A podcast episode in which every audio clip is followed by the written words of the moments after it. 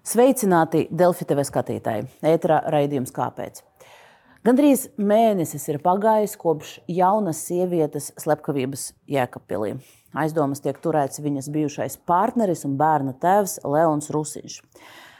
Te jau divus gadus viņš sievieti ir vajājis, draudējis viņai, draudējis arī nogalināt. Tagad policija skaidro, ka atbildību nesīs Jēkabpils policijas iecirkņa priekšnieks un vēl vismaz divas policijas amatpersonas. Bet kā panākt, lai šādas slepkavības nekad vairs neatkārtotos?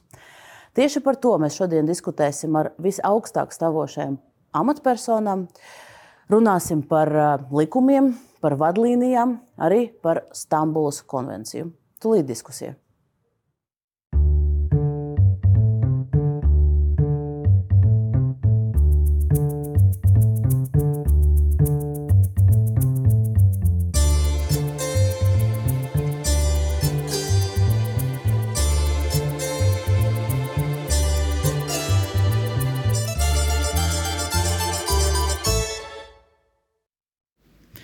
Un stādīšu priekšā šī raidījuma viesus.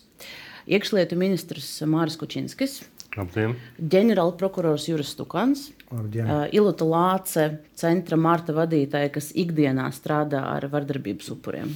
Labdien!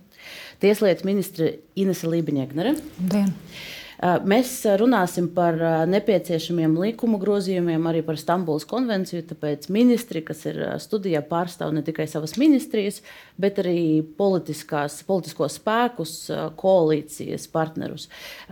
Bez jaunās vienotības un um, apvienotā saraksta koalīcijas partneris ir arī Nacionāla apvienība. Mēs versimies pie šī politiskā spēka ar lūgumu definēt, uh, kurā, kurā amatpersona, kurš politiķis būtu uh, pārstāvams šajā raidījumā. Un studijā ir uh, Jānis Grasbergs, saimas priekšsēdētāja biedrs. Viņš arī vada demogrāfijas, ģimeņu un bērnu lietu apakškomisiju.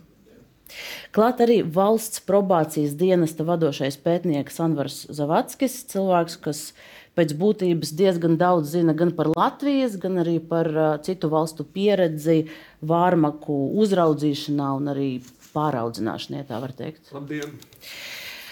Pirms mēs sāksim sarunu par to, kā nepieļaut uh, Jēkabpils traģēdiju līdzīgus, uh, līdzīgas šausmas, um, ir jāpiemina cits, uh, cits temats, kas šobrīd ir ļoti svarīgs. Tas ir prezidenta vēlēšanas. Jaunā vienotība vakar nāca klājā ar savu kandidātu prezidenta amatam. Tas ir ārlietu ministrs Edgars Rinkevičs. Daži jautājumi par šo, un tad mēs runāsim par Jēkabpili.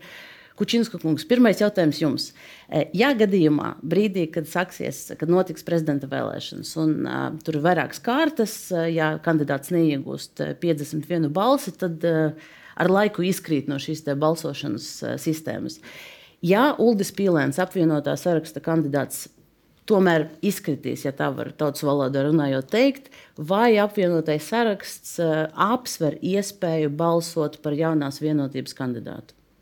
Nu, vispirms es gribu teikt, ka patiesībā vakardienas lēmums man priecē. Mums ir uh, divi kandidāti, un es domāju, būs ļoti interesants arī pie tā visa debats.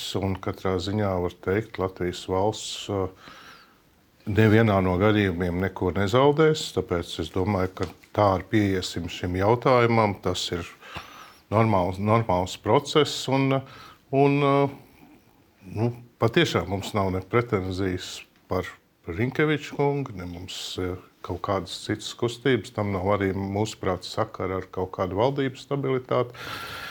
Jautājums, ko jūs uzdodat, kas notika, ja tā būtu? Ja izkritīs, nu, vai, mēs, vai, vai, vai mēs, varētu nobalsot par Rinkeviču? Mēs nesēdējām pa nakti tik daudz, lai, lai spriestu, ko mēs darīsim. Bet, tā, bet es tikai gribu teikt, ka tas, ko mēs patiešām apspriedām savā starpā, ka Edgars Rinkevičs ir ļoti cienīgs kandidāts. Viss.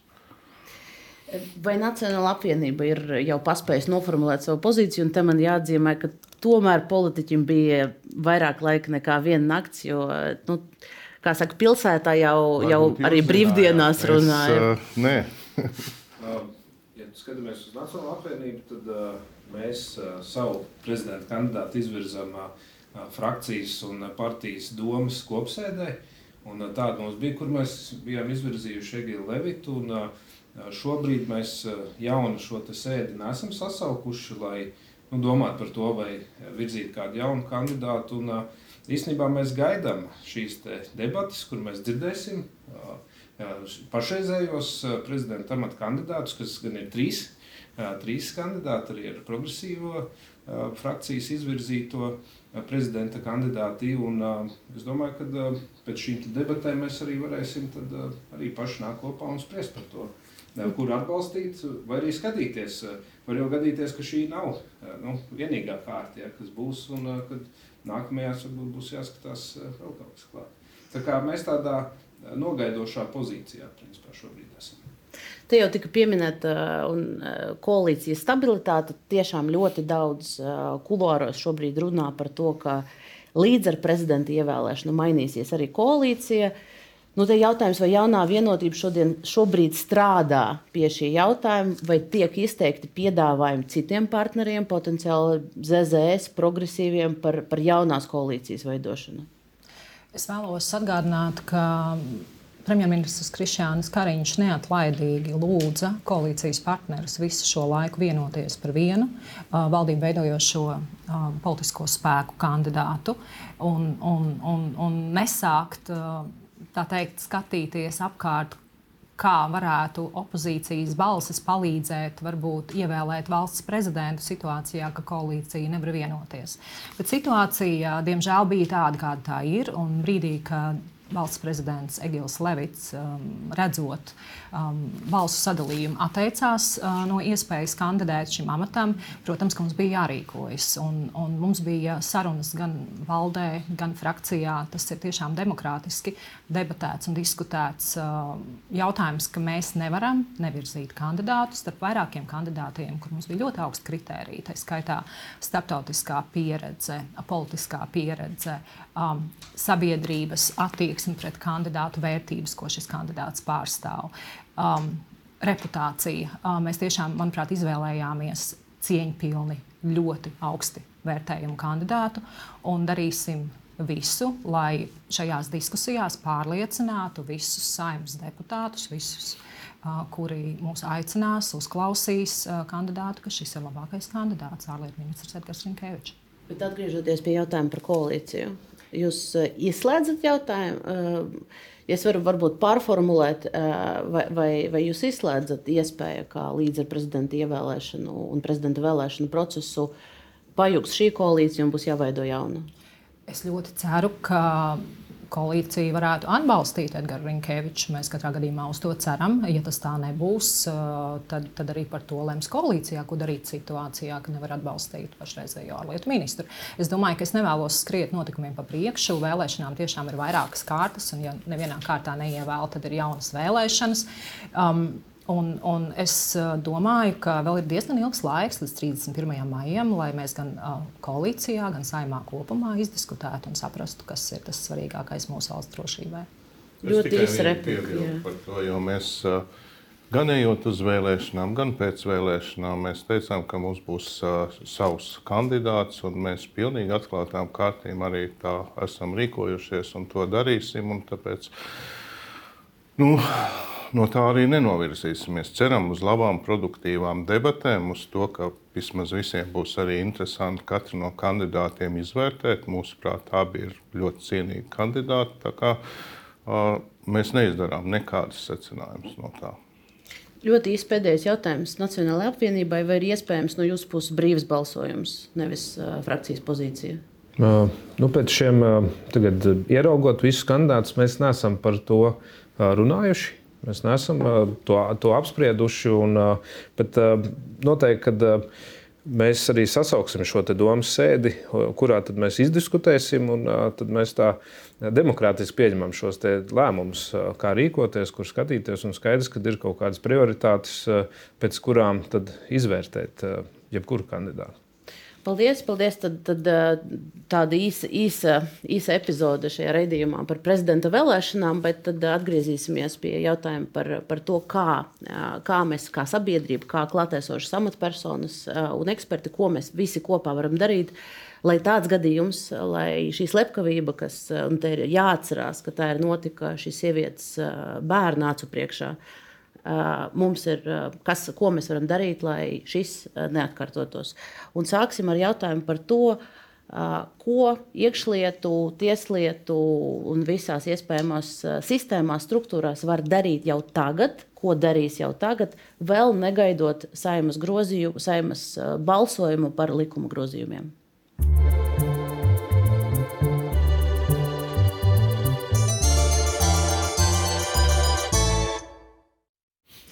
Un tā atkal jāsāk ar, ar Kučinsku kungu. Pēdējo nedēļu diskusijās izkristalizējies tāds viens secinājums, ka Jēkabpilī konkrētai iecirknī nespēja atpazīt potenciālo šī konkrēta vārmakas bīstamību. Par to runāja arī Ruka kungs šajā studijā. Vai iekšlietu ministrijai šobrīd ir konkrēts plāns, ko darīt, lai policijas līmenī, lai to policistu, kas strādā, lai inspektora līmenī ir uh, augstāk šī kultūras, šī kultūra tieši attiecībā pret, uh, pret vardarbības atpazīšanu, pret vārmaku atpazīšanu. Jā, Un policija gan ir faktiski no visiem arī iesaistītājiem vienīgā, kas arī skatās un jau ir atzinusi arī savas kļūdas, un tāpēc arī atzīstot savas kļūdas, ir jābūt piedāvājumam. Trīs virzieni. Viens ir, ko noteikti šodien runāsim, likumdošanas izmaiņas, bet to es pieņemu, mēs runāsim atsevišķi. Otrs virziens, ko mēs ar Ilūtu Lāci apspriedām šonadēļ, arī un ko policija jau arī sāk īstenot katram šai reaģējošā sastāvā esošām policijām, tam ir jābūt gan apmācībām, gan tādām kā skaidrām vadlīnijām, kā to kā rīkoties. Tas ir tāds process, ko mēs runājam. Arī man šķiet, pat jāsāk ar kolēģis līmeni integrēt iekšā arī, ka policists jau mācās. Mācās vēl būt par policistu. Otrs un trešais, protams, mēs šobrīd strādājam pie elektroniskās uzraudzības līdzekļu likumdošanas veidošanas un tehniskā izpildījuma. Bet kopējais tai visā mums ir visiem jābūt tādā kā vienotā frontē, un vienam otrs jāatbalsta un, un jāskatās, ko katrs var šai lietā darīt. Policija daudzos gadījumos cīnās ar sekām. Vēl mazliet statistikas, ja, kas man Es īsti nezinu, vai ir labi vai slikti. 30,3% jau policijas sastāvā ir uh, sievietes. Un vai tas, nu, tas vienkārši tā ir? Vai tas ir, ja viņi brauc reaģēt? Vai... Daudz. Vai, ta, nē, vai viņas paliek, starp citu, policijā aizvien ar katru gadu sieviešu īpatsvars pieaug. Es nezinu, kāpēc puiši izvēlas kaut kur citur iet vai vispār nekur neiet, bet meiteņu, meiteņu sastāvs aizvien tas ne tikai policijā, pat ugunsdzēsējos un robežsargos ir līdzīga, līdzīga tendence. Tāpēc es domāju, ka no vienas puses tā izpratne arī vajadzētu būt, būt, būt uh, lielākai. Bet nu, man šķiet, kā mēs runājam, uh, ir jābūt skaidrām vadlīnijām. Es to pat saucu tādai kā instrukcijai, kā rīkoties. Nu, Drusciņi jābūt arī psihologiem šai situācijā. Tad, tad pēc būtības jūs piekritat, ka nu, tas izpratnes trūkums šobrīd ir ne tikai konkrēti iecirkņa problēma, bet. bet tas ir kopumā. Es to jau vairākas reizes esmu teicis, es to saucu par formālismu. Tāda formālā pieeja šiem te it kā jau likumdošana tā kā ir, bet nu, mēs viņu de facto izpildām. Vēl viens virziens, ko es ar pašvaldībām šobrīd runāju, iespējams, arī tur vajadzīgas kādas nelielas izmaiņas, jo pašvaldības sociālajā dienestā man saka, kāpēc mūs vairāk neiesaist, vajag vairāk ar nu, policiju formāli atnāk noziņot, bet neatklāja visus datus par šo attiecīgo gadījumu, kas, kas, kas ir bijis. Neatklāja reizēm viņi pat nezinot, cik īstenībā bērni ir. Tā kā ko darīt mums visiem ir ļoti, ļoti bēdīgs, traģisks notikums, bet nu, šis ir laiks, kurā noteikti ir jāsaņemas un jābūt skaidrai rīcībai.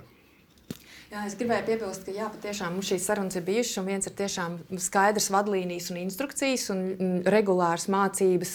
Vienlaicīgi arī e, jāpaskatās uz iekšējiem procesiem pašā policijā, kas kas palīdz nu, prioritizēt šos gadījumus un, un skatīties nopietni. Bet vēl viena lieta, arī, nu, ko es arī izmantojot šo ēteru, gribu izmantot, pateikt, ka bieži vien valsts policija brauc tad, ja tiešām saprot, ka tur ir augsts dzīvības apdraudējums un, piemēram, ja ir rīcībā ierocis. Līdz ar to es visām sievietēm saku, ja jūsu vīriem ir ierocis un um, Un uh, ir šis, notiek šis konflikts, uh, vardarbības epizode. Ir ļoti svarīgi to paziņot arī tajā brīdī, kad tiek izsaukta policija. No otras puses, kāpēc es šo minu? Tāpēc, ka Latvijā tas, kas mums nav veikts un ko mēs nezinām un ko mums vajadzētu izdarīt, ir vēl tāda izpēte uh, tieši, kas tad ir šie ieroči, ar kuriem nogalina sievietes. Un, uh, mēs zinām, ka no vienas puses saistībā ar ieroču atļaujām mums ir uh, diezgan sarežģīts un ne tik vienkāršs process, lai nonāktu pie šī ieroča, bet ir citi ieroči, kas tiek izmantoti. Un bieži vien mēs sakām, ka sievietei bīstamākā vieta atrasties ir virtuvē, jo tur ir vesels klāsts ar nažiem. Un arī tas, ko mēs zinām, ļoti daudz tieši naži tiek izmantot, lai sievietes iebiedētu, arī lai viņas nogalinātu.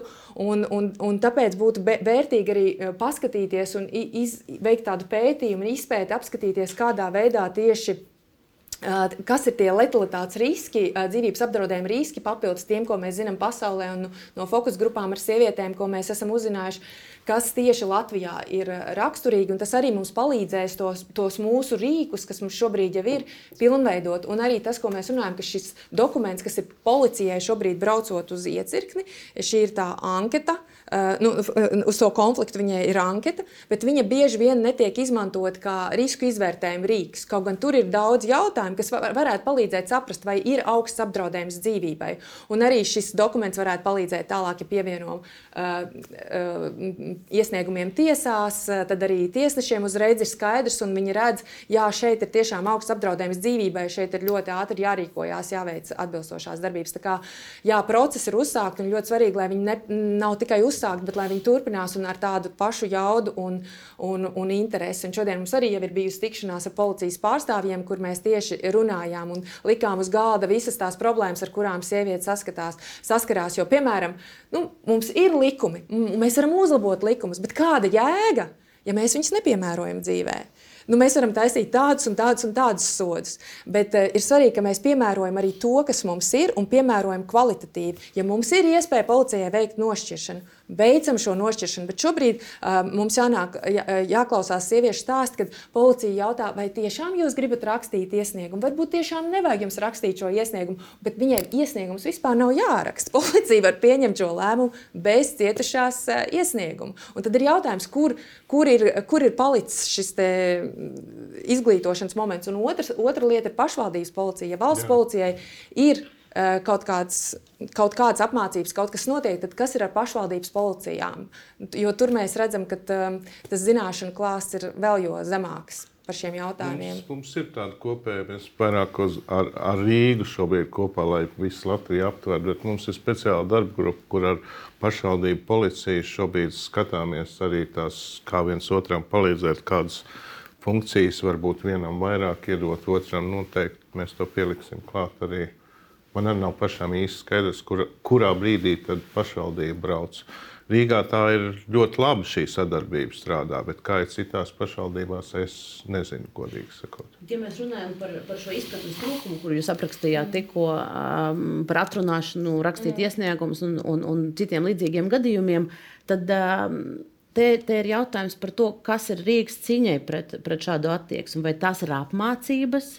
Vai, vai te ir jautājums par kaut kādu nu, uzsaukumu, kaut kādu tādu principu ieviešanu. Viens ir apmācības, apmācības ir regulārs, bet otrs ir tiešām, kad uh, ir izpratne un ir iekšējie procesi tādi veidoti uh, policijā, prokuratūrā un tā tālāk, kas palīdz arī cilvēkiem, ja viņi redz, notiek uh, kaut kāda. Um, Eh, ne tāda rīcība, un vai iecirkņa priekšnieks eh, neatbalsta kaut kādas iniciatīvas, kad tiešām policists, eh, parastais ierīdnieks jūtās gatavs par to ziņot, ir, ir gatavs kaut ko darīt šajā situācijā, ka tā iekšējā sistēma ir tāda, kas ļauj policistiem tiešām uzņemties atbilstošas iniciatīvas un, un rīkoties cietušā interesēs, nevis noslāpēt šīs iniciatīvas. Un te, kā piemēram, var minēt arī uh, to darbu, kas bija uzsākts savulaik Tukumā ar pilotu projektu, un pēc tam izvērtās arī uh, uh, tam, kad tiek izveidota šī anketa un ka viņi tiek nodota pakalpojumu sniedzējiem,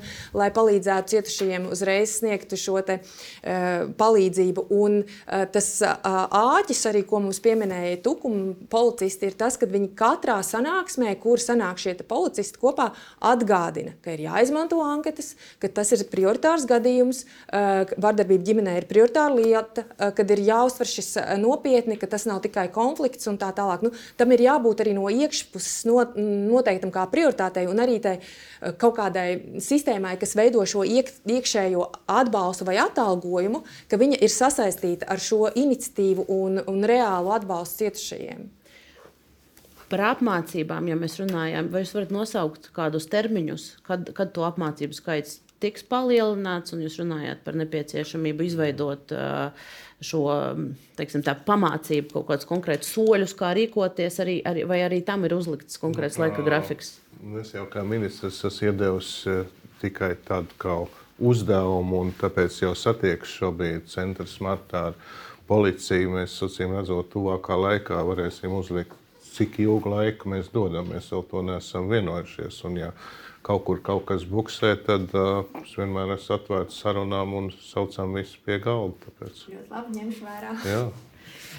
Vēl viens jautājums, kas arī pirms divām nedēļām tika minēts, un šajā studijā arī citos formātos par sadarbību starp dažādām iestādēm. Gan viszemāk, un, un te droši vien ir problemātiskākais ir šis viszemākais līmenis, vai, vai šajā jomā kaut kas notiek, jo te ir jautājums ne tikai par policiju, bet arī par prokuratūru, arī iespējams par tiesām, kuras, kuras, kuras apkopo šo informāciju. Es varbūt par šo jautājumu varu teikt, pēc tam pastāstot, ko tieši mēs darām tieslietu sektorā. Ka, um, Premjerministrs ir sasaucis noziedzības novēršanas padomi uh, 26. maijā, kas ir nākamnedēļ, kur kā reiz ir pārstāvētas visas iesaistītās ministrijas, ģenerāla prokuratūra, augstākā tiesa. Un, un, un tur arī dzen, tieši starp institucionāli sadarbojoties, tad arī saprast, kur šī komunikācija ir bijusi, kur nav bijusi un kur to vēl ir jānostiprina. Un, un, un tas arī mazliet plašāk. Um, šī konkrētā padoma tiek sasaukta par vardarbību arī dzēn, saistībā ar um, nepilngadīgiem, un, un būs arī izglītības ministra klāta, kas parasti šajā padomē nepiedalās.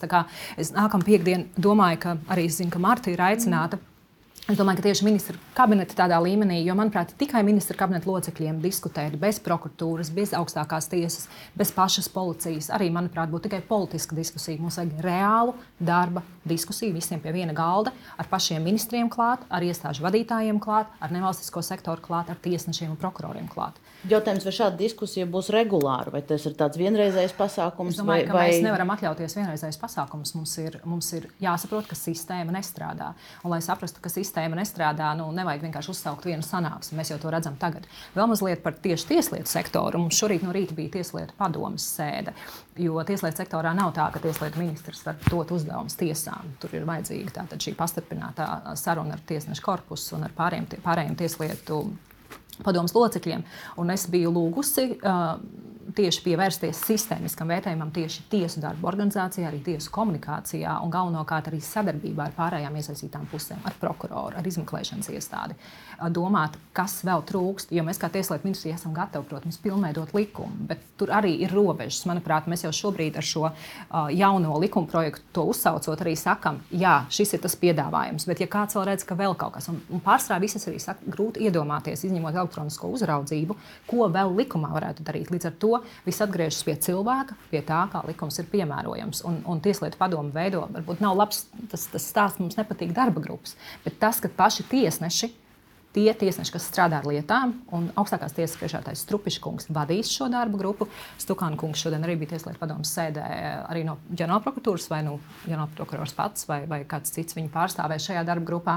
Un, un tad, tas būs tas formāts arī, tas nebūs vienreizējs. Es domāju, tas būs daudz, daudz, daudz kārtējs, un mēs esam uzlikuši varbūt līdz jūlijam sev termiņu, kad būtu jānāk ar tādu redzējumu. Tā kā, Mēs domājam, ka mēs esam varbūt pamodušies no tā, ka tas galvenais man nav karsts kartufels Stambulas konvencija, tāpēc es uzreiz par to sākšu runāt.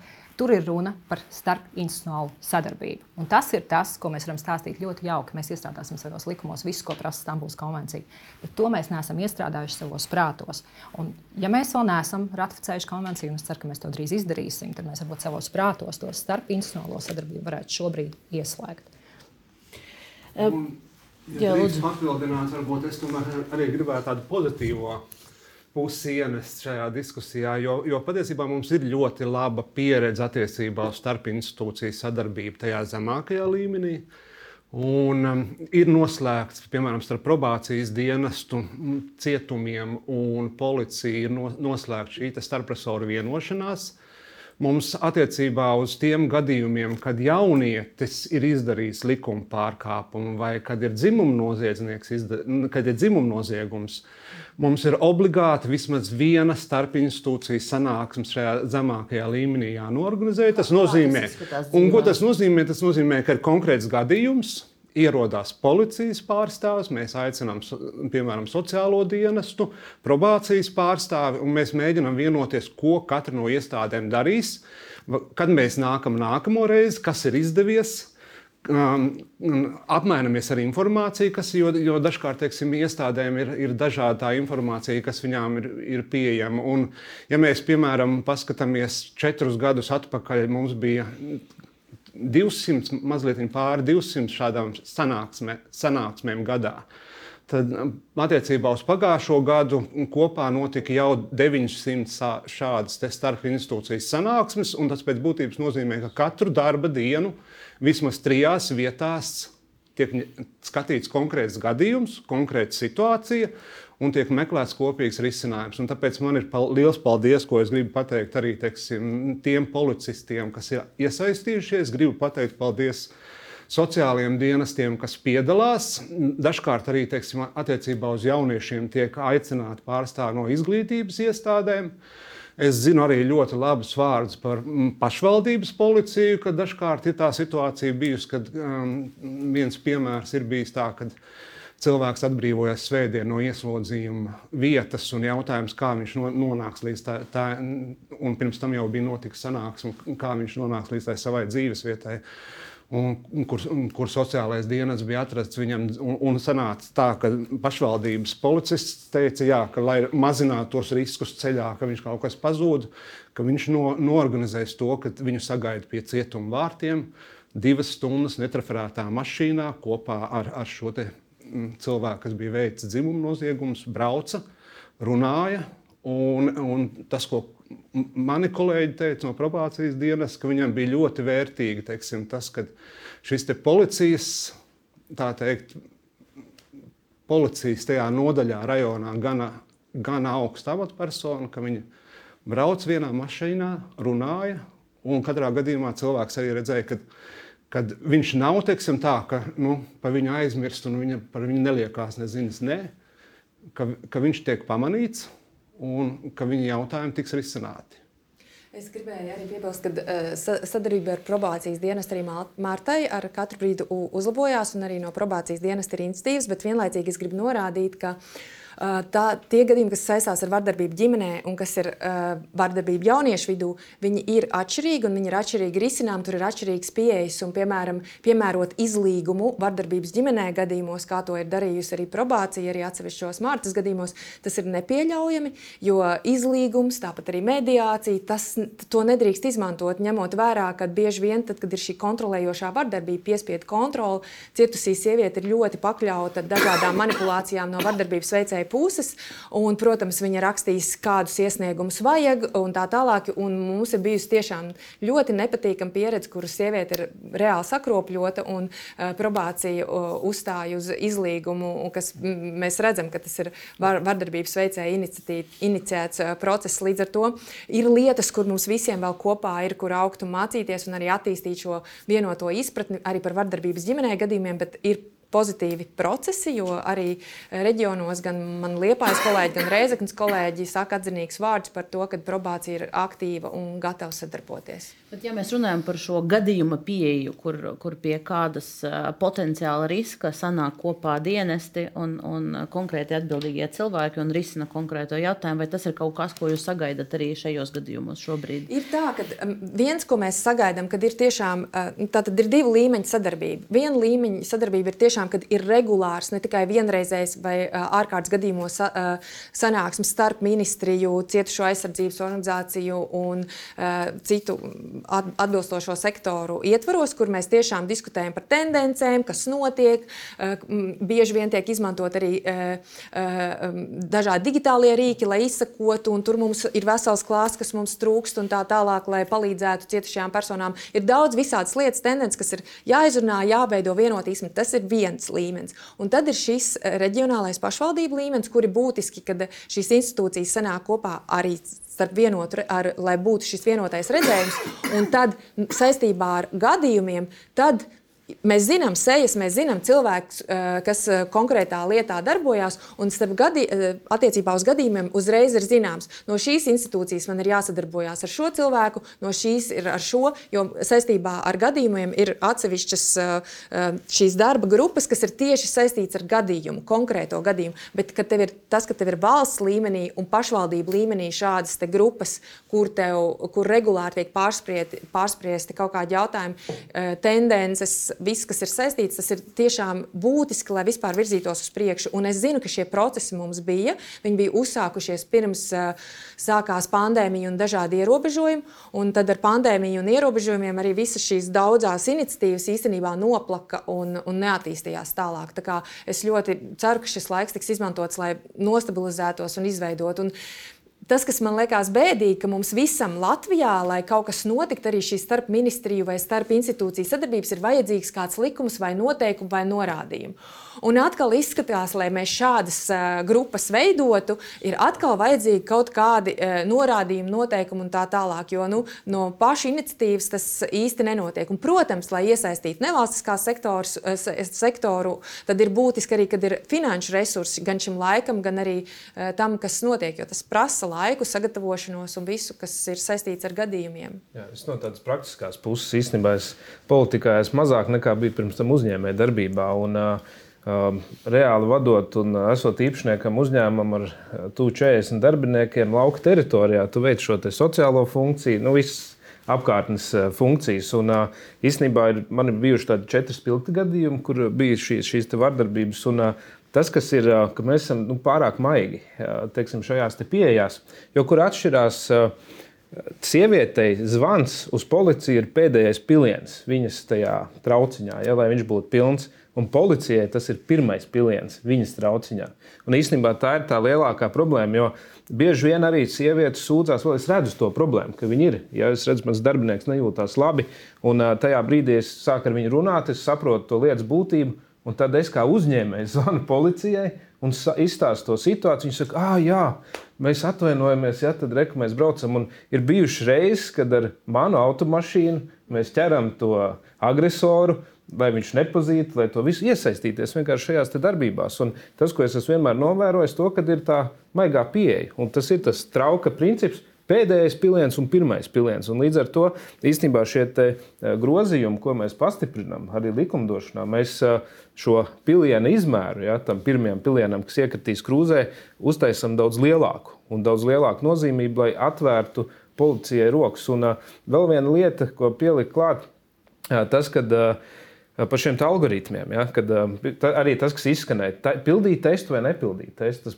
tas tests būtu jāuzdod kā obligāts, mm. bet pie reizes mums ir jāstiprina arī policijas šī kapacitāte. Gan naudiski, gan morāli, gan arī ar, ar mācībām. Jo tāds piemērs no teksim, bērnu aizsardzības ja, par vardarbību pret bērniem, tad jebkurā gadījumā, ja tu nonāc uzņemšanā slimnīcā un bērns ir atsits kāju vai roku vai vienalga ko, Man pašam ir pieci bērni, un es bieži vien to, nu, ka viņi kaut kur nokrituši vai kā tu aizbrauc kopā, un tu izai cauri šim algoritmam, ka tevi kā tēvu notestē, vai tu neesi bijis varmāk. Ja? Bērnam uzdod jautājumus, tev uzdod jautājumus, un dakteris skatās reakcijas. Un par cik tas atkārtojums skaits ir liels, tad es jau iegūstu, un apmēram zinu, ko man prasīs. Ja? Bet šādiem algoritmiem būtu jābūt katrā gadījumā un jau pie pirmā izsaukuma. Jo pirmais izsaukums ir pēdējais piliens sievas, tajā sievietes, tajā, nu, cik, cik viņi var tolerēt to situāciju es varu papildināt, tad bieži vien arī, un ja viņa izsauc un policija nerīkojās atbilstoši, saka, vai tiešām jūs gribat iesniegumu, kas viņai vispār nav jādara, tad viņi vairāk nekad nesauks to policiju. Un uh, ir ļoti būtiski, un bieži vien arī tie ir citi cilvēki, kaimiņi, uh, akūtos gadījumos bērni, kas sauc šo policiju. Un, un, un tad ir ļoti svarīgi, ka tā pirmā intervence ir ļoti kvalitatīva, jo tas ir arī zināmā mērā preventīvs darbs, lai turpmāk, lai tev nebūtu simts reizes jābrauc uz kaut kādu vietu, tu vienreiz ierodies, kvalitatīvi nostrādā un, un, un svarīgi, ka tajā brīdī saslēdzās visas šīs institūcijas kopā, ka ir šī koordinētā atbilde uz šo gadījumu, kad vienkārši visi zina, ko viņiem jādara. Nevis tur sāk apšaubīt, ai, kāda viņa slikta māte, o, re, kur viņa arī lietoja alkoholu, bet ja mēs zinām ilgstošās vardarbības sekas un tā tālāk, un to veidu, kā, kādā veidā vardarbības veicējs panāk, ka sieviete dara visādas lietas pret savu gribu, ja šīs zināšanas ir, tad arī ir pareiza pieeja un atbalsts cietušajai personai, kas šo šobrīd nav. Es uzdošu ļoti īsu apkopojušu jums jautājumu, un, un tad es gribēju iesaistīt arī ģenerāla prokuroru šajā sarunā arī attiecībā par uh, prokuratūras darbu kā tādu. Tas, ko jūs aprakstījāt, ko mēs izrunājām par policijas darbu, atbraucot uz izsaukumu un, un strādājot ar šiem gadījumiem, un um, tas, kas ir nepieciešams, lai mēs uzlabotu šo sistēmu. Uh, Vai jūs redzat, ka tas, tas, tas būs, ka tas tiks panākts, ņemot vērā visas, visas darba grupas, visas tikšanās, visas tās iesāktās uh, sarunas, kas šobrīd pēdējās nedēļās notiek? Nu, kā, ir parādījusies cerība. Tā es atbildēšu. Labi, tad, tad, tad mēs paliekam pie šī. Un Stukāna kungam jautājums. Es gribēju jums uzdot līdzīgu jautājumu, kādu uzdevu jau iekšlietu ministram par šo kultūru, par, par izpratni par vardarbību, par to, cik tā ir attīstīta prokuroru vidū. Virsprokurors Bičus šajā studijā minēja, ka arī prokuratūra bija uzsākta pārbauda par to, kas notika ar Jēkabpils gadījumu. Vai, vai jums varbūt jau tur ir kaut kādi pirmie rezultāti? Nu, diemžēl vēl rezultāti man nav zināmi, bet tā nav tāda pārbaude. Ja mēs konkrēti vienu lietu, tur nav ko baudīt. Tur viss ir, manuprāt, ir ļoti saprotams. Uh, Bet ir e, jāskatās, e, redziet, prokuratūra bija šī plašākas funkcijas. Mēs tāpat vērtējam arī policijas amatpersonu un prokuroru atbildību, un arī no sistēmas viedokļa, vai tur kaut kas ir nostrādājis vai nav nostrādājis. Bet, diemžēl, kā jūs teicat, pagāja tik ilgs laiks, un es neredzu vispār, kā kāds runāt par to, kā mazināt šos gadījumus. Visi arī šodien mēs jau diezgan ilgi runājam par ko par to, ka jau ir sasista sieviete, un mēs policijai dodam līdzekļus, ko ar viņu darīt. Absurds pilnīgs. Par, par... Tāpēc vēlreiz gribu pateikt, ka pilnīgi nepareiza virziena viss aizgāja. Mums par slepkavību, par dzimumu noziegumiem mūža ieslodzījums. Dzimumu noziegumus notiek katru nedēļu, krimināla procesa. Tas ir uh, pilnīgi saka, mālēšana acis, ka mēs tagad ieliksim trīs gadus un kaut kas mainīsies. Nekas nemainīsies. Nekas. Un šeit atbilde ir ļoti vienkārša. Kā mēs arī pilnīgi piekrītam, ar ko būtu jāsaka. Jāsaka Rimantam, kur bija brīvdienas. Kas tad tur notika? Ja mums pat pusauģu vidus ir izveidojusies tādā pārliecība, ka var savus attiecības risināt ar vardarbību, tad tur ir sākums. Tas ir viens. Ja mēs runājam par tiem pašiem policistiem, prokuroriem vai arī tiesnešiem, piedošanu jau laiku sen, visi ir izgājuši Tur ir milzīgs kurs gan par bērniem, gan par vardarbību e, pašvaldību mācību centrā. Tur, e, viņš e, tagad jau visi iet atkārtoti, nu, lai atsvaidzinātu tās zināšanas. Līdz ar to mums nav jārunā par kriminālu tiesiskiem. Arī ministrs norādīja un policija norādīja, nu, likuma daudz kas ir. Bet tas ir nepietiekoši, jo arī šajā gadījumā viņu ielika uz tam 20 dienām, tad izlēda, jo likums neļauj ilgāk turēt. Pēc tam viņa piesprieda 23 dienas, nu, varēja trīs mēnešus. Ar to par maz. Es, es, pār... es jums pateikšu, kas ir jādara. Es jums pateikšu, kas ir jādara. Ja mums šobrīd sabiedrība vienaldzīga, es pilnīgi piekrītu deputātam. Tajā brīdī ir jārēģē, kamēr tā sieviete vēl nav sasista, vai kamēr tā sieviete pret viņu ilgstoši netiek vardarbība.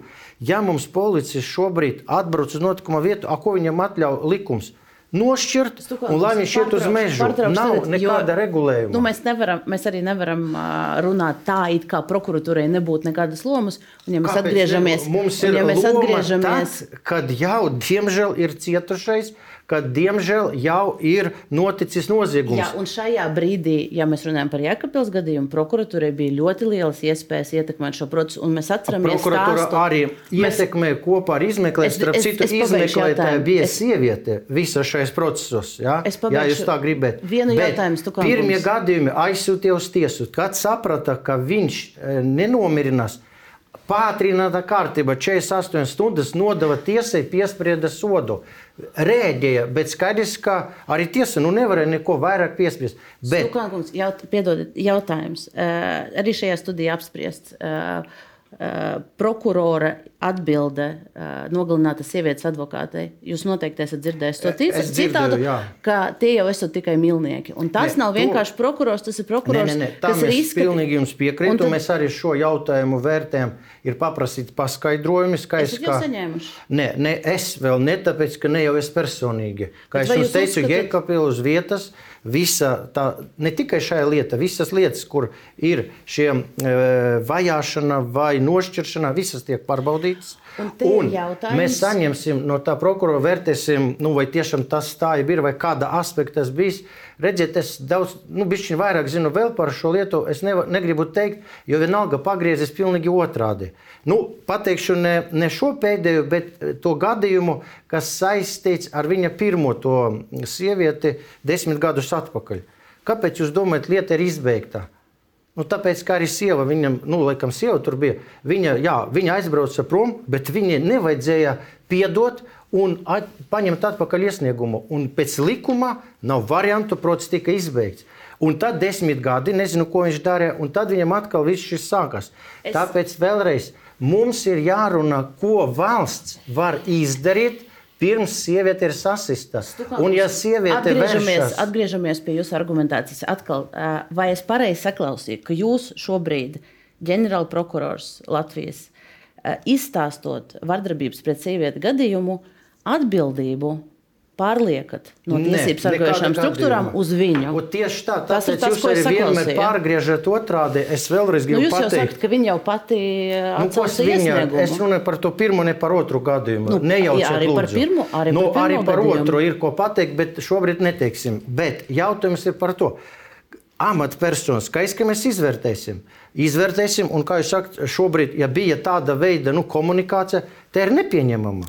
Tā ir nepieņemama, un, ja mēs to konstatēsim, nu, viens no variantiem arī prokuroru varam atlaist no darba par neatbilstību prokurora amatam. Bet mēs taču nevaram nu, tā emocionāli to darīt. Saprotiet, gan tiesnesis, gan prokurors pietiekoši ir aizsargāts no likuma viedokļa, lai nebūtu šī ietekme Un to, ko runā eh, Marta, es tam visam piekrītu, bet tikai to visu ir jādara līdz sieviete ir sasista. Kāpēc jūs gribat gaidīt, kamēr sasita sieviete? Jūs gribat, tāpēc, ka mēs dara tad, tad, kad šis ir noticis. Jā, Tieši tā, mums vajag darīt tā, lai tas nenotiktu. Mums vajag darīt tā, lai tā policists, nu, kas šajā gadījumā ir Jūs arī sakat, nav izpratnes. Jūs gribat atrodiet man kaut vienu policistu, kurš pateiks, ka viņš atbalsta vardarbību, atbalsta vardarbību ģimene un tā tālāk. Nu, neatbalsta. Skaidrs, ka šeit, un jūs pareizi teicat, nu, arī ko deputāts, eh, man bija tas pārsteigums, ka viņi to veidlapu nepildā. Nu, arī mēs izdosim, ir man likuma tādas pilnvaras mēs esam e, e, vadlīnijas noteikuši dažos e, vairākos citos gadījumos. Arī šobrīd, diemžēl, mēs gatavojam par dzimumu noziegumiem. Nu, šis gadījums arī šajā gadījumā tagad. Jā, mums jau ir daudz eh, dažādu citos noziegumus, kas izpauž vadlīniju. Tieši tā, tur ir obligāti to, kas viņam jāizdara trīs dokumenti, un viņš nevar viņus neizdarīt. Un tas ir saistoši arī policistam. Super, arī šajā gadījumā uzliksim to izdarīt. Jā, ļaujiet, uh, jā bet tur tā lieta, bet es Lūdzu, gribu, lai jūs, jūs sāktu runāt par to, lai mēs nepieļautu, lai mēs strādātu ar situāciju līdz noziegumiem. Kāpēc mēs pēc sapratām, nozieguma par vēlu? Mēs sapratām jūsu pozīciju. Lūdzu, jā, bet, jā, bet arī tajos brīžos, kad eh, tiek ziņots par noziegumiem, ir ļoti svarīgi atbilstoši rīkoties. Un, piemēram, pat tad, ja nav bijusi fiziska ietekmēšana, bet parādās vajāšana, piemēram, sievietei vai arī draudi, piemēram, ir braukts virsū ar mašīnu, bet nav nobraukta, ir mests virsū ar nažiem, bet nav nogalināta vēl. Tas, ko es gribu pateikt, kad tajos iesniegt, tas, ko es gribu pateikt, ir uzsākti procesi, nu nav nereaģēts tas, ko nu, es gribu pateikt, stāsta, it, ka tas jā, nebija noticis. Visur notika. Lūdzu, pateikt, bet ekspertei. tieši tāpēc ir svarīgi. Ekspertei. Es jums pateikšu, eksperte saka, viņa vajag pētīt, kāda veida nogalināta sieviete. Mums pagājuši gads 17 sievietes nogalināts. Būtu atnākusi paņemt 17 lietas un uzreiz dienas laikā es jums pateikšu, kurā ar kuru ieroci no, nogalinta. Ja kāds gribētu to darīt, Stupa, nu negrib neko darīt. Mēs visu laiku runājam, ka vajag. Nu tā kā atnākam un izdarām. Lūdzu, ļaujiet pabeigt.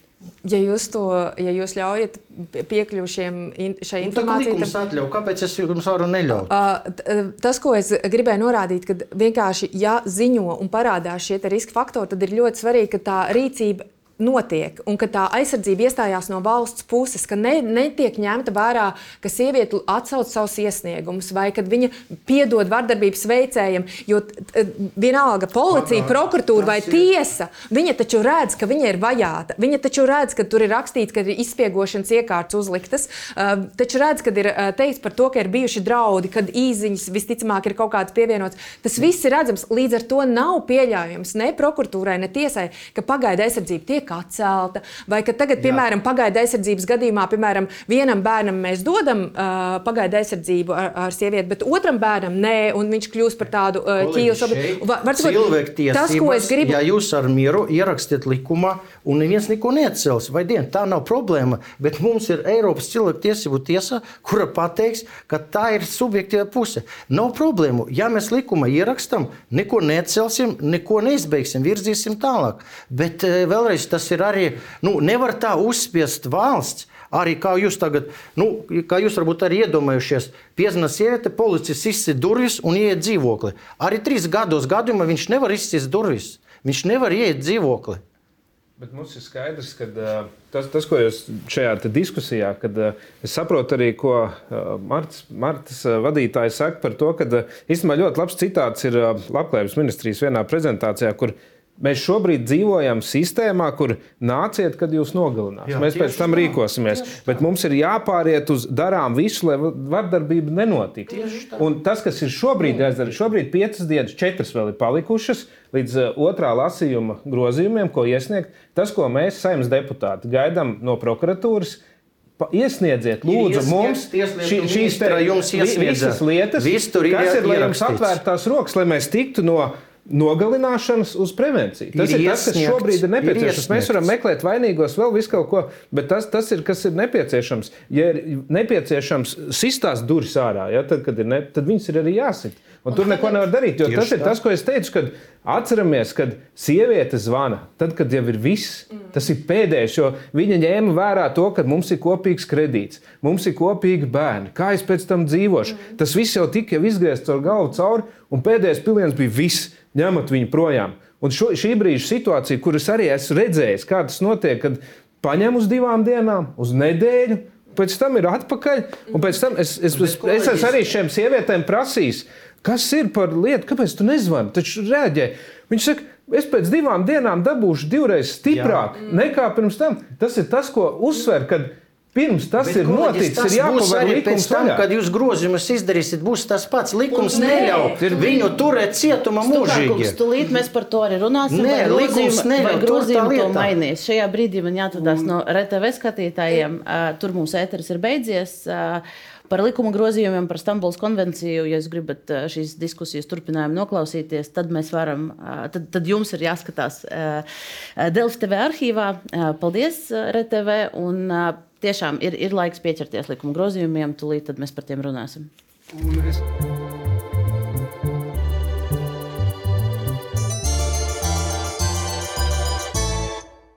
jautājumu arī par to, ka tomēr ar, nu, ir vajadzīga arī izmaiņas attiecībā uz likumiem, jo tas, ko mēs redzam, kad arī attiecībā uz notiesātām personām, kas nonāk probācijas sistēmā, kas ir noziegums saistībā ar vardarbību, ļoti daudz no viņiem, viņu sots, ko viņi saņem, ir sabiedriskie darbi. Ne, ne.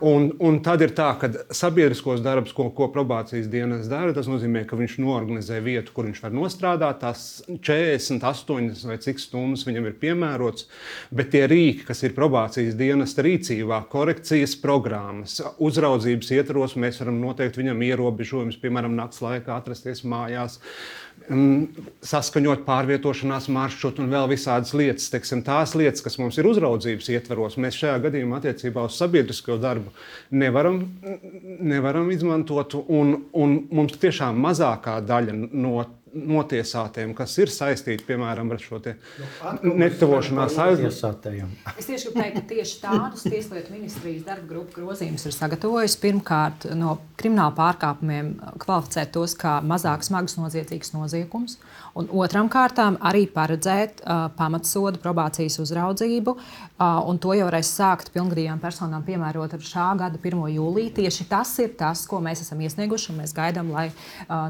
šis likums svētos spēkā.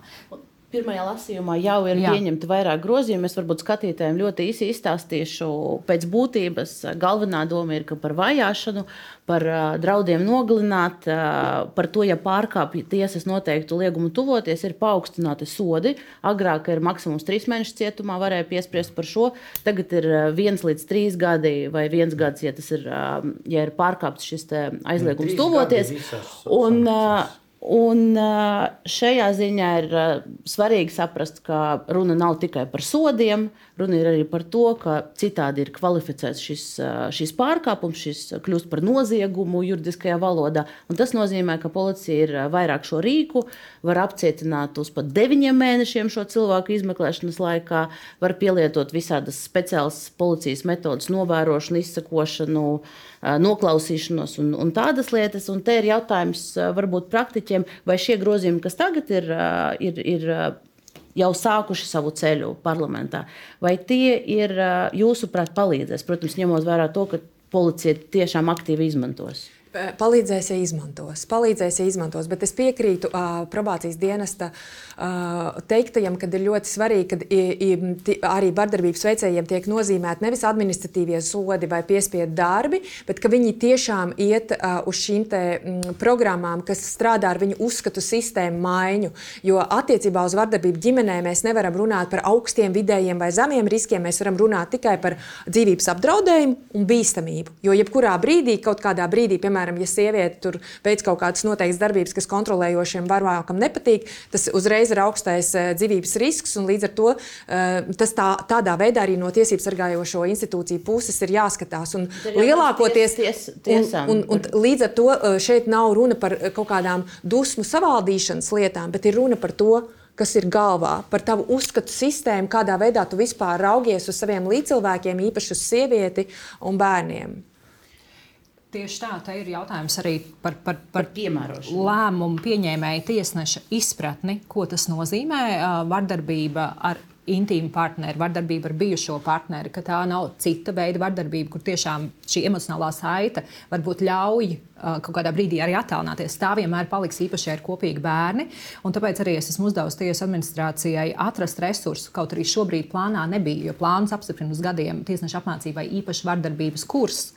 Uh, tādu tagad arī tiešām nostiprinātu ne tikai tādu kā no tiesību zinātņu viedokļa kursu, bet arī starpdisciplinārs. Jo tur ir būtiski tieši šie sociālie un psiholoģiskie aspekti, kas arī tiesnešiem ir jāsaprot. Viņiem dažreiz šīs zināšanas nav, viņi to neatpazīst. Viņiem atsaukts uh, iesniegums ir atsaukts iesniegums, bet varbūt atsaukts iesniegums tieši ir tas sarkanais karodziņš, kas nozīmē, ka vardarbības riski paaugstinās. Bet tas, ka jūs esat uzdevusi, tas nozīmē, ka tas arī es vienkārši, lai tas mēs nozīmē, izprastu to, tas būs, notiks. Es uzdodu, uh, tiek atrasta nauda, sakārtots. Uh, arī šis iepirkums, un Tieslietu padomu to apstiprina. Tas ir ļoti, varbūt tāds aprakstošs process, bet tas notiks ātri. Es to Nē, nē, tas būs šogad. šogad. Tas būs šogad, tas tūlīt arī būs.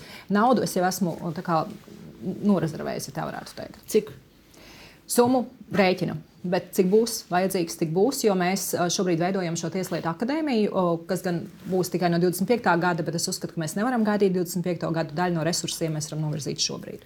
Viens no uh, iekšlietu ministrijas idejām, kas, kas izgaismojās uh, atbildē uz, uz deputātu jautājumiem, uh, ir, un es te citēšu vienu no iekšlietu ministrijas Kučinskunga parakstīto dokumentu, kur rakstīts, ka pēc būtības būtu jāparedz aizsardzības pret vardarbību piemērojuma pasākumu plašāks klāsts šādu vardarbīgu personu obligāta iesaista uzvedības korekcijas programmās, tātad tādās, par kurām mēs šobrīd runājam.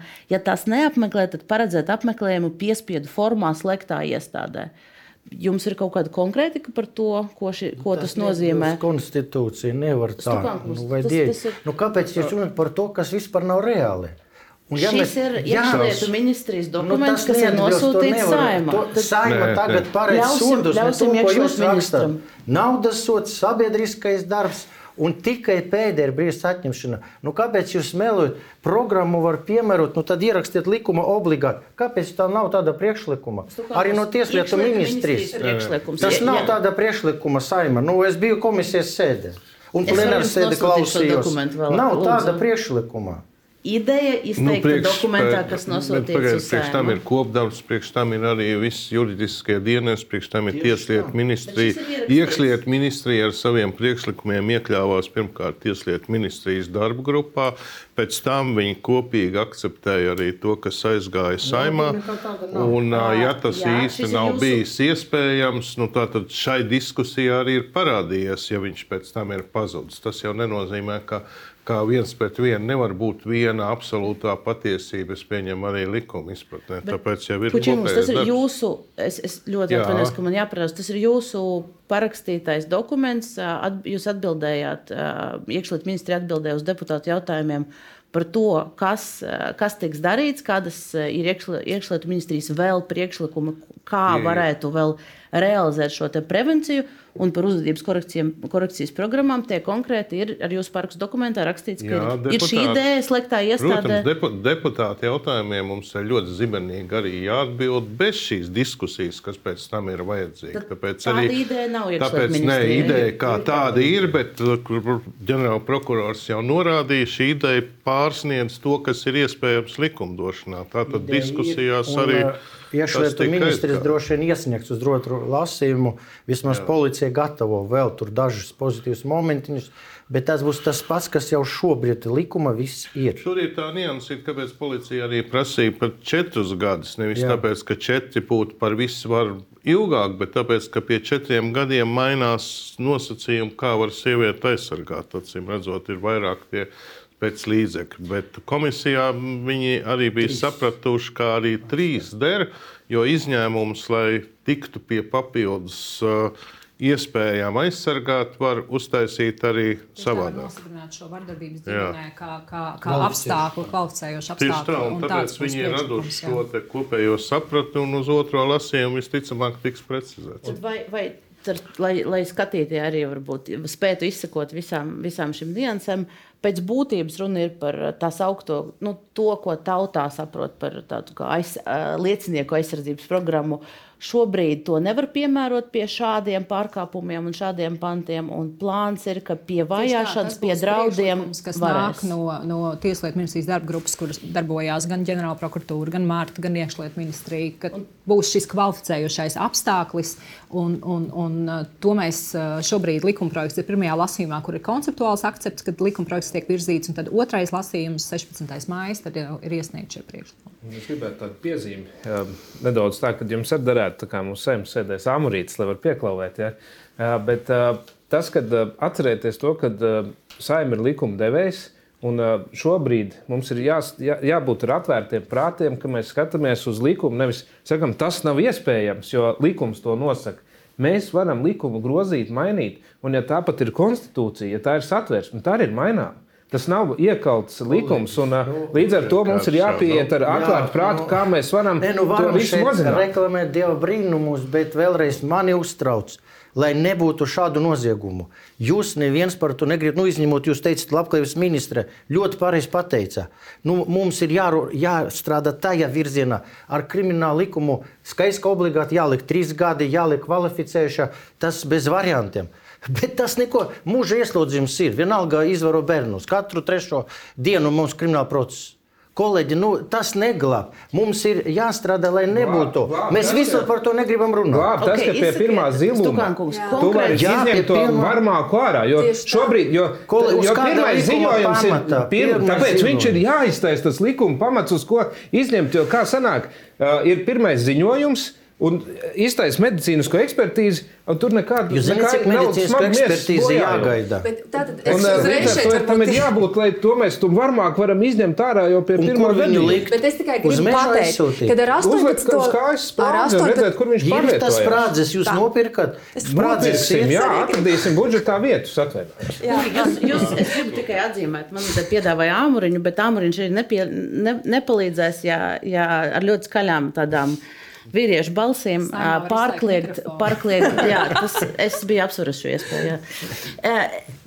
Mums jānoslēdz šī sadaļa. Un uh, Stukāna kungs uh, runāja uh, par, uh, par, par prevenciju, par darbu ar uh, iespējamām varmākām. Un tā ir viena no lietām, ko paredz daudz pieminēta Stambuls konvencija.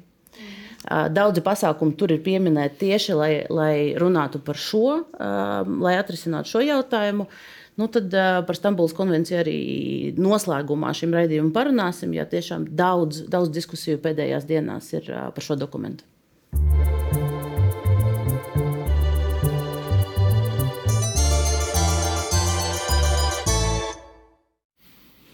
Un te ir jāsaka, ka vakar uh, savu viedokli paudusi arī Latvijas valsts prezidenta no 99. līdz 2007. gadam Vaira Vīķa Freiberga. Uh, Viņa paziņoja, ka aicina saimu steidzami ratificēt Stambulas konvenciju. Citēšu viņas, viņas ierakstu Twitterī. Nespēja ratificēt Stambulas konvenciju ir negods Latvijai. Jēkabils gadījums un vardarbības apmēri pret sievietēm Latvijā ir dramatisks vēstījums tiem, kas gadiem ļāvušies propagandai, ka Latvijai jau viss ir kārtībā. Nav kārtībā. Un tad mēs atgriežamies pie jautājuma par prevenciju. Varbūt Lācis kundze var izstāstīt, kas no konvencijas paredzētiem pasākumiem Latvijā nav ieviests, ja mēs runājam tieši par, par, par to noziegumu novēršanu.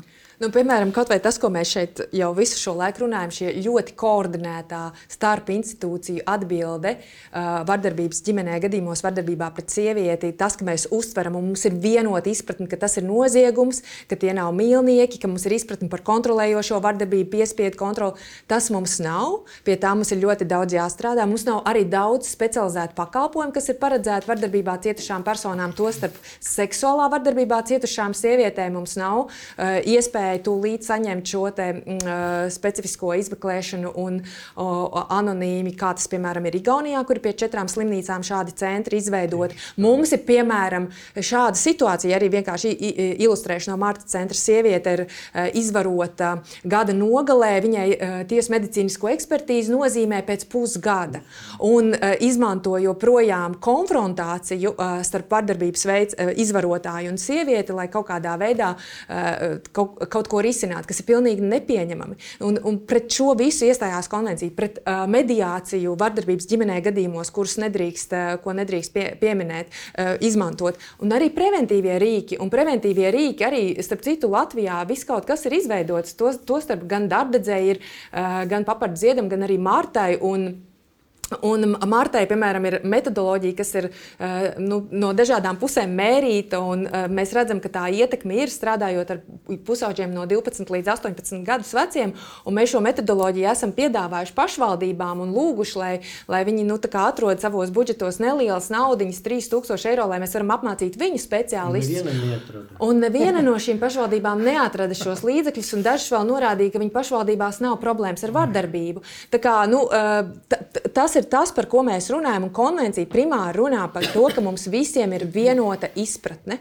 Un arī runā par ļoti konkrētu minimālo standartu, cik mums jābūt krīzes dzīvoklīšiem, uz noteikti iedzīvotāju skaitu, cik mums jābūt patvērsmēm, cik mums jābūt uh, saistībā ar seksuālo vardarbību, ka mums jābūt specifiskai juridiskai palīdzībai un tā tālāk. Un tā tālāk. Tā kā vesela virkne ar ļoti konkrētām lietām, ļoti praktiska konvencija un uh, ļoti praktiski rīki tur ir paredzēti īsts jautājums, jo Stukāna kungs jūs varat atbildēt īsi kodolīgi. Tad uh, jūs te mājāt galvu un ļoti piekritāt. Uh, Lāc, kun, tas nozīmē, ka jūs atbalstat konvencijas ratificēšanu? Vismaz to, ko nosaucat, vismaz to izdariet. Būs rezultāts. Konvencijas ratificēšana. Izdariet to un pēc tam ratificēt, ko jūs gribat. Bet konvencija, okay. arī, uh, konvencija arī paredz to, ka mēs nepārtraukti. No konvencijas sarakstam likumos. Nu, dariet kaut ko beidzot. Cik Bet var runāt? Konvencijā ir arī uh, šis te uzraudzības mehānisms. Un šis uzraudzības uzraudzības, uzraudzības mehānisms, uzraudzības starptautisks uzraudzības mehānisms, starptautisks uzraudzības mehānisms, kur uh, ir iespēja nepārtraukt salīdzināties ar citām nu, Eiropas padomus valstīm, kas ir ratificējušas. Un mēs redzam, ka tajās valstīs, kur konvencija ir ratificēta, ir notikušas gan likuma izmaiņas, piemēram, noteikti saistībā ar izvarošanas definīcijām, piekrišanas definīciju. Uh, tāpat tās arī uh, konkrēti pakalpojumi ir uzlaboti, starpinstitucionālā sadarbība uzlabota pat valstīs, kuras mēs uzskatām, ka nu, tur taču viss ir un viss labi notiek. Visās valstīs īstenībā ir atrastas kaut kādas konkrētas, praktiskas lietas, kas tiek uzlabotas. Un nekas no tiem mītiem un no tās, es atvainojos, demagoģijas, kas tiek izplatīta saistībā ar šo konvenciju, netiek šajās valstīs darīts vai veicināts, kas, ko, ko, ko mums izplatīja. Kas mums traucē šodien darīt? Kāpēc jāgaida kaut kādu konvenciju? Nē, nu, konvencija ir starptautiska. Mēs esam Eiropas padomu. Es domāju, varbūt Ines Inese var ļoti aktīvi, viņa ir darbojusies arī, man liekas, Eiropas padomē. Nu, mēs esam šīs organizācijas dalībvalsts, mēs izstrādājam šo starptautisko rīku. Un mums ir iespēja nepārtraukti salīdzināties ar citām valstīm un uzlabot un uzlabot un dalīties arī savās labajās praksēs. Un es vienlaicīgi gribētu uzsvērt, lai kā mums ir, bet mums arī ir savas labās prakses, no kurām var citas valstis mācīties no mums un par ko mēs varam lepoties. Es domāju, pavisam īsi. Katra tiesību sistēma veidojas no augšas līdz lejai. Un, protams, ka mums katrā likumā ir jāiestrādā tas, kas katram ir jādara. Bet šis virsprincips, ka mēs saprotam, ka vardarbība pret sievieti, vardarbība ģimenē ir Latvijas sabiedrības problēma. Nu, varam rakstīt satversmē, vai varam ratificēt konvenciju, kas nozīmē, ka tas ir nākamais solis mūsu starptautiskā cilvēktiesība atbildība kā demokrātiskai Eiropas padomas, Eiropas Savienības dalībvalstī, jo tas arī ir Eiropas parlamenta apstiprināts starptautisks dokuments. Tas ir tikai vienīgi tas, ka mēs paņemam šo virsprincipu. Ne jau ar konvenciju mēs iesim slaucīt kaut ko vai sist kādam. Mēs darīsim ar savām rokām un mēs iestrādāsim to savos likumos. Bet šo virsprincipu mēs vienā tiesiskā valstī, kā demokrātiska valsts, uzliekam starptautiskā konvencijā, kā virknē citu starptautisku konvenciju, tā skaitā Eiropas cilvēktiesību konvenciju. Un es nesaprotu un nesapratīšu tos, kas šo konvenciju pat nav lasījuši, bet tic tam, ko dara Kremlis. Vienkārši izdomā stāstus un, un, un stāsta, ka nu, citu, tur vispār ir dekriminalizēta uh, vardarbība ģimenē. Un vienkārši izdomā muļķības. Un tad tās muļķības tiek no laika uz laiku vienkārši vairots. Es priecājos, ka šobrīd tas ar vien mazāk skan. Satversmes tiesas spriedumu var izlasīt, kur katrs no šiem stereotipiem ir vienkārši juridiski atspēkots. Un, un tad arī būs skaidrs, ratificējam to konvenciju tikai tāpēc, vien, lai pateiktu, ka mēs esam tā valsts, kas netolerē vardarbību ģimenē. Un, un, un pārējos likumus arī dzēn mums jāsakārto. Ne jau tas, ka panacēja ir tā konvencija. Tā konvencija nozīmē, ka mums ar galvu viss ir kārtībā. Atvainojos. Nu, tad, tad, tad man te ir jājautā, jūs ilgi uh, apvienotā sarakstā, ja mēs izējām uz politisko līmeni, jo kon konvencijas ratificēšana ir uh, saimnes jautājums, un tad mēs izējām politiskajā līmenī. Viens no koalīcijas partneriem, jaunā vienotība, ir, uh, ir paudis uh, savu, savu pozīciju. Tad uh, gan Nacionālās apvienības pārstāvis, gan apvienotā sarakstā ministrs. Klausījāties visus argumentus, redzējāt, kas, kas ir tas, ko prezidenta Vīķa Freiberga teica vakar. Esat pārliecināti, iespējams, uz šo brīdi, ka ir, ir jāratificē? Ne, nu, vienīgā piebilde ir par to, ka Nu, tad gribētos to jūsmīgo turpināt, tad, kad ratificēs, tad saule uzausīs un visi būs sapratnē. Jo šobrīd jau no konvencijas ļoti daudz ir direktīvās, ļoti daudz ir regulās, un patiešām nekas neliedz ieviest. Tas tā. Bet, uh, Runa jau varbūt pat nav par visām tām lietām, kas ir iekšā. Nu, skatīsimies patiesībā acīs. Tur ir kaut kādas divas, trīs rindkopas, kas arī nu, Grasberga kungs viņus droši vien var pat nocitēt, kas tur ir. Divas, trīs rindkopas, cik mums ir zināms, ka tāda konvencijas tapšanas brīdi ir kaut kā nesaprotam, tur uh, ielabēts iekšā, kas arī traucē visiem, visiem, visiem uh, vienoties. Runāsim atklāti, man valdība viņu tomēr akceptēja. Uz, novēršot tās pretrunas, uzrakstot, uzrakstot uh, savus atsevišķās domas par šo visu. Mēs parakstījām, jā. un viņam bija jānonāk saimā. Es pieņemu, ka, ja viņš arī saimā būtu nonācis, tad diskusijas jau nebūtu par vardarbību pret sievietēm, diskusijas nebūtu par to, ka viņi ir slikti, diskusijas būtu par kādām divām, trīs. Uh, ar inkopām un ar jautājumu, kā var to atrisināt, lai nebūtu tik nu, teiksim, neveselīga un nevajadzīga sabiedrības šķelšana šajā jautājumā. Jā, principā ir tā, ka par pašu konvenciju, ja skatāmies uz viņu kā tādu, turpat arī šīm rindkopām. Nu, nav teiksim, diskusijas. Ja, viņas, viņas turpat iedarās arī pie šiem jaunvārdiem, ja, kur mēs lietojam teiksim, jaunas šīs Eh, formas ja, par diskrimināciju, ko mēs eh, skatāmies. Bet bažas, bažas un, uh, ir par to, kā tas ietekmēs nākotnē mūsu likumdošanu. Ja mēs ielie, ieviešam jaunus nu, terminus. Kas tieši ir ieviests? Ja, jaunie termini ir, kad, teiksim, kā skan šis te ceturtais pāns paskaidrojošais. Ja, kad teiksim, mēs atsakāmies no jebkāda veida diskriminācijas Un, uh, tad ir, uh, mēs kā saprotam, ja viss ietais komati, tad tie ir līdzīgi vārdi, nu, kas raksturo iepriekšējā. Ja? Tad neatkarīgi no tā, vai šādas diskriminācijas uh, pantā ir dzimums, sociālais dzimums, rase, ādas krāsa, valoda, reliģiskā pārliecība, politiskie vai citu uzskati, nacionālā piedarība, izcelšanās, dzimuma orientācija, dzimuma identitāte, vecums, veselības stāvoklis. Es arī es izlasīju šo konvenciju, vēl pirms ministrs kundzes aicinājuma, saprast, kas tur īsti ir. Un tas, kur man arī aizķērās šie vārdi, ka mēs liekam iekšā šīs te, nu, kā, šīs te terminoloģijas, sociālais dzimums un dzimuma identitāte. Un tad, paskatoties sīkāk, kas tad ir sociālais dzimums un dzimuma identitāte, ja, tad mēs saprotam, ka tas vairs nav tikai tas dabiskais, bet uh, principā, ko mēs subjektīvi esam izveidojuši. Un tad ir tā, ja šis paliek tikai šajā konvencijā, tas vispār nevienam nekur netraucē. Bet man ir arī pieredze uh, par konvencijām. Uh, 1960. gada konvencija par narkotiku aizliegšanu. Viņi ir pieņemti, visi ir ratificējuši, viss ir kārtībā. Es aizstāvēju lauksaimniekus, kas vēlējās audzēt kaņepes. Un, uh, tas kaņepes neļauj audzēt. Mums ir pieprasījums no Vācijas autobūves pēc kaņepes šķiedrām. Un, mūsu likumdošana pasaka, ka mēs kaņepes audzēt nedrīkstam, jo redz 60. gada konvencijā ir ier, blakus kokas lapām ir ierakstīts arī kaņepes. Bet, diemžēl, 60. gadā neviens neizšķīra lauka kaņepi no medicīnas kaņepes. Bet šobrīd mēs to izšķiram. Un, ar ļoti spraigām diskusijām, ar vēl visu kaut ko, ar balsojumu 4 pret 3 komisijā. Panācām vismaz, ka šīs šķiedras varam audzēt. Žēl tikai, ka trīs gadus pa vēlu. Citas valstis jau sen piegādā kaņepes šķiedras, un visa autoindustrija plasmas vietā jau lieto viņus. Un eh, šobrīd arī vēl joprojām kaņepju tēju mēs veikalu plauktā varam nopirkt tikai pie rūpniecības precēm.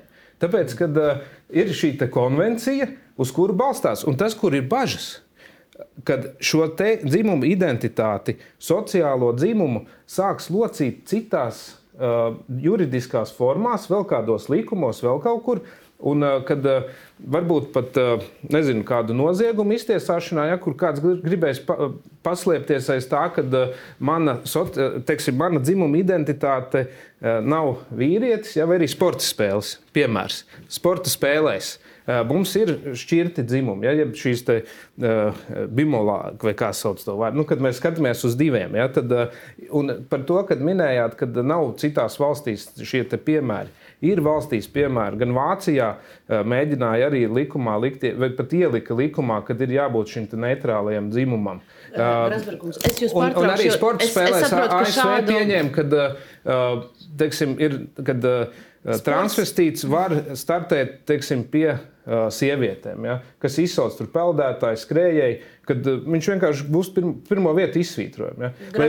Ta, tas ir tās bažas. ASV nav, nav, nav, ja es nemaldos, ASV nav nekāda sakarā ar šo jā, konvenciju. Bet Vācijā ir šis piemērs, bet, kur uh, jums ir bažas. Ielika. Jūs, jūs izteicāt bažas, kas ir saistītas ar konkrēto pantu šajā jā. konvencijā, kāda tam varētu būt ietekme uz likumiem. Mums ir tieslietu ministra, kura var jā, iespējams jums palīdzēt saprast, teikt, vai, vai mums visiem palīdzēt tieši saprast. Tieši tādēļ ir ļoti labi, ka mums jau ir satversmes tiesas spriedums, kas no satversmes viedokļa šobrīd. Jo mums nekāda konvencija šobrīd nav saistoša. No satversmes viedokļa vērtē, ja konvencija būtu saistoša, vai mums būtu saistoši visi šie pieņēmumi, ko jūs teicāt.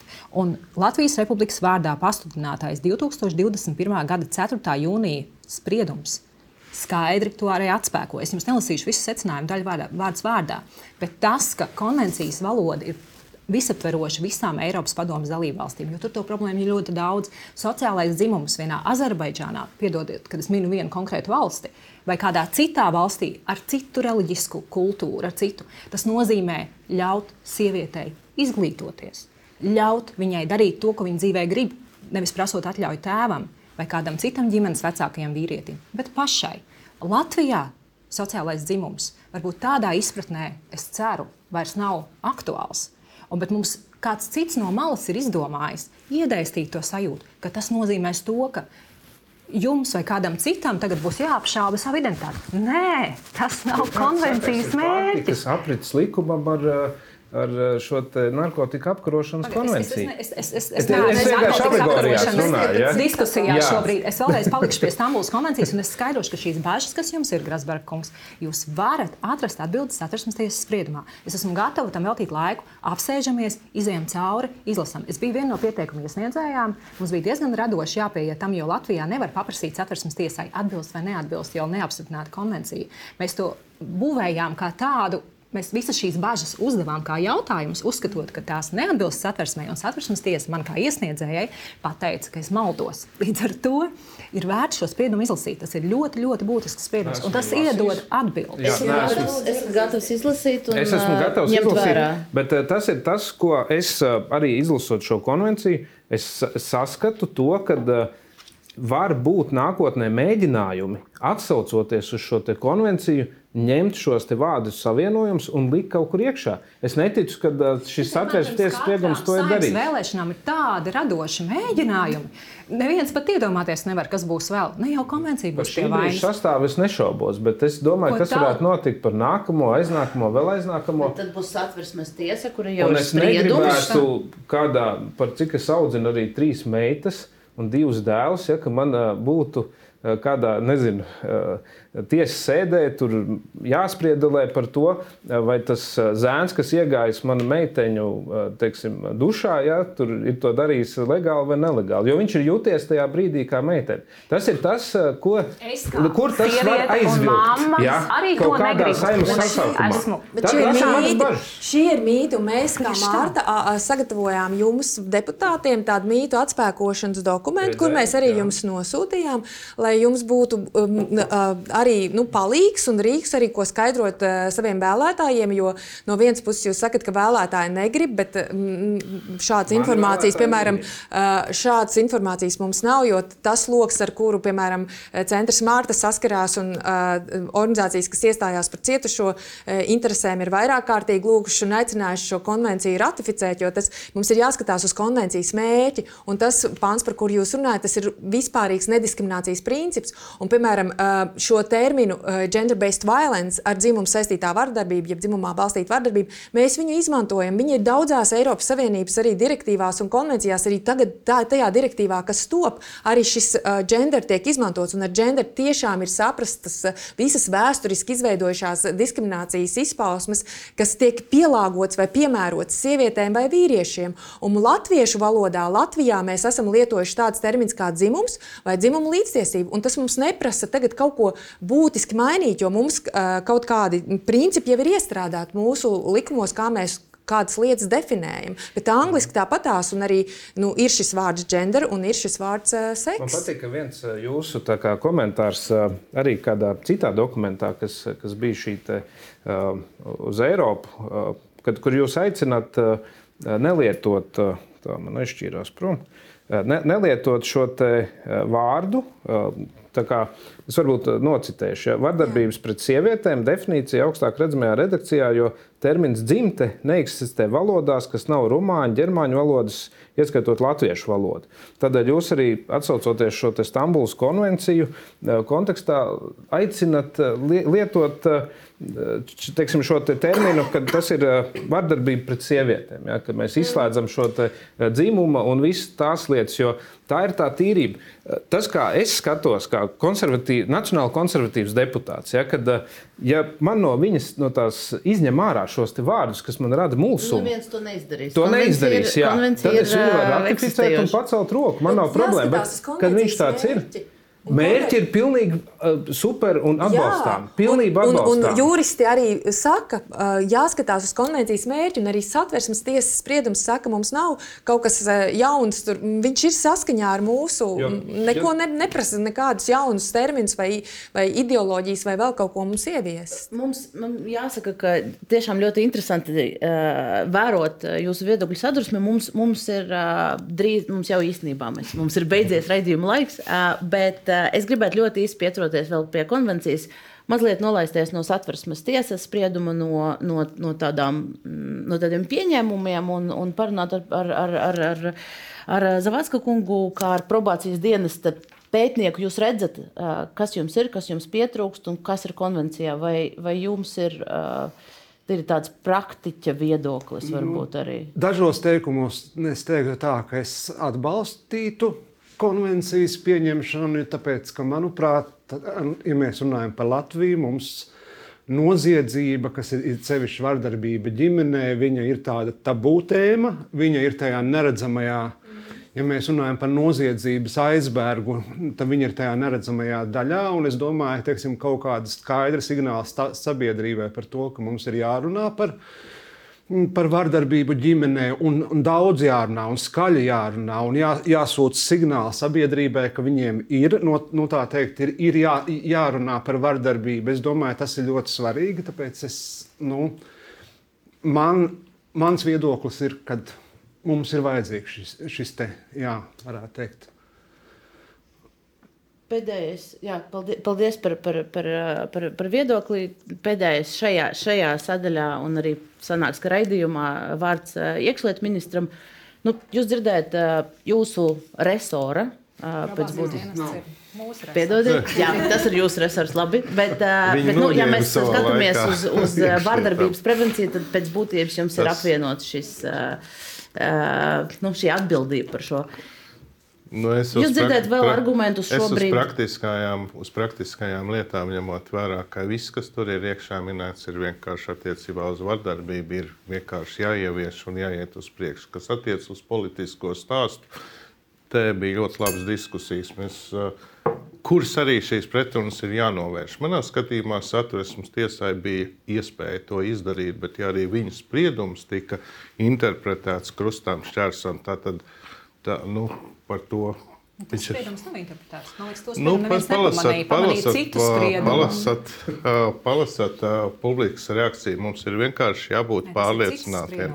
Pārliecinātiem. Es pieņemu, es atbalstu abām rokām. Es domāju, jo vairāk mēs runāsim tieši par šo konvenciju, debatēm šobrīd ir jābūt, jo mēs akcentēsim arī visas pārējās labās lietas. Tā kā jāturpina strādāt. Tad uh, apvienotais saraksts saka, ka nē, konvencija kon, joprojām mēs esam tikpat konservatīvi kā šajā gadījumā Nacionālā apvienība. Tāpēc mums būs grūti visiem izskaidrot. Ja mēs to varēsim arī izskaidrot un varam noņemt šīs bažas, par ko ļoti produktīvas ar interesi klausījos abas dāmas, dāmas runājām, tad, protams, arī nav problēma par pārējo.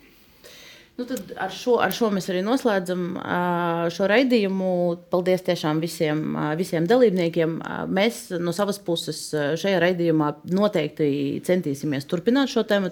Ir skaidrs, ka vairāki aspekti netika izdiskutēti. Mēs neizrunājām par elektronisko uzraudzību varmakām kā drošības līdzekli detalizēti. Ne visu izrunājām par to, kāda ir iespējama prevencija šajā gadījumā un, un kā ir iespējams mainīt vārmaku uzvedību ar šīm sociālās korekcijas programmām.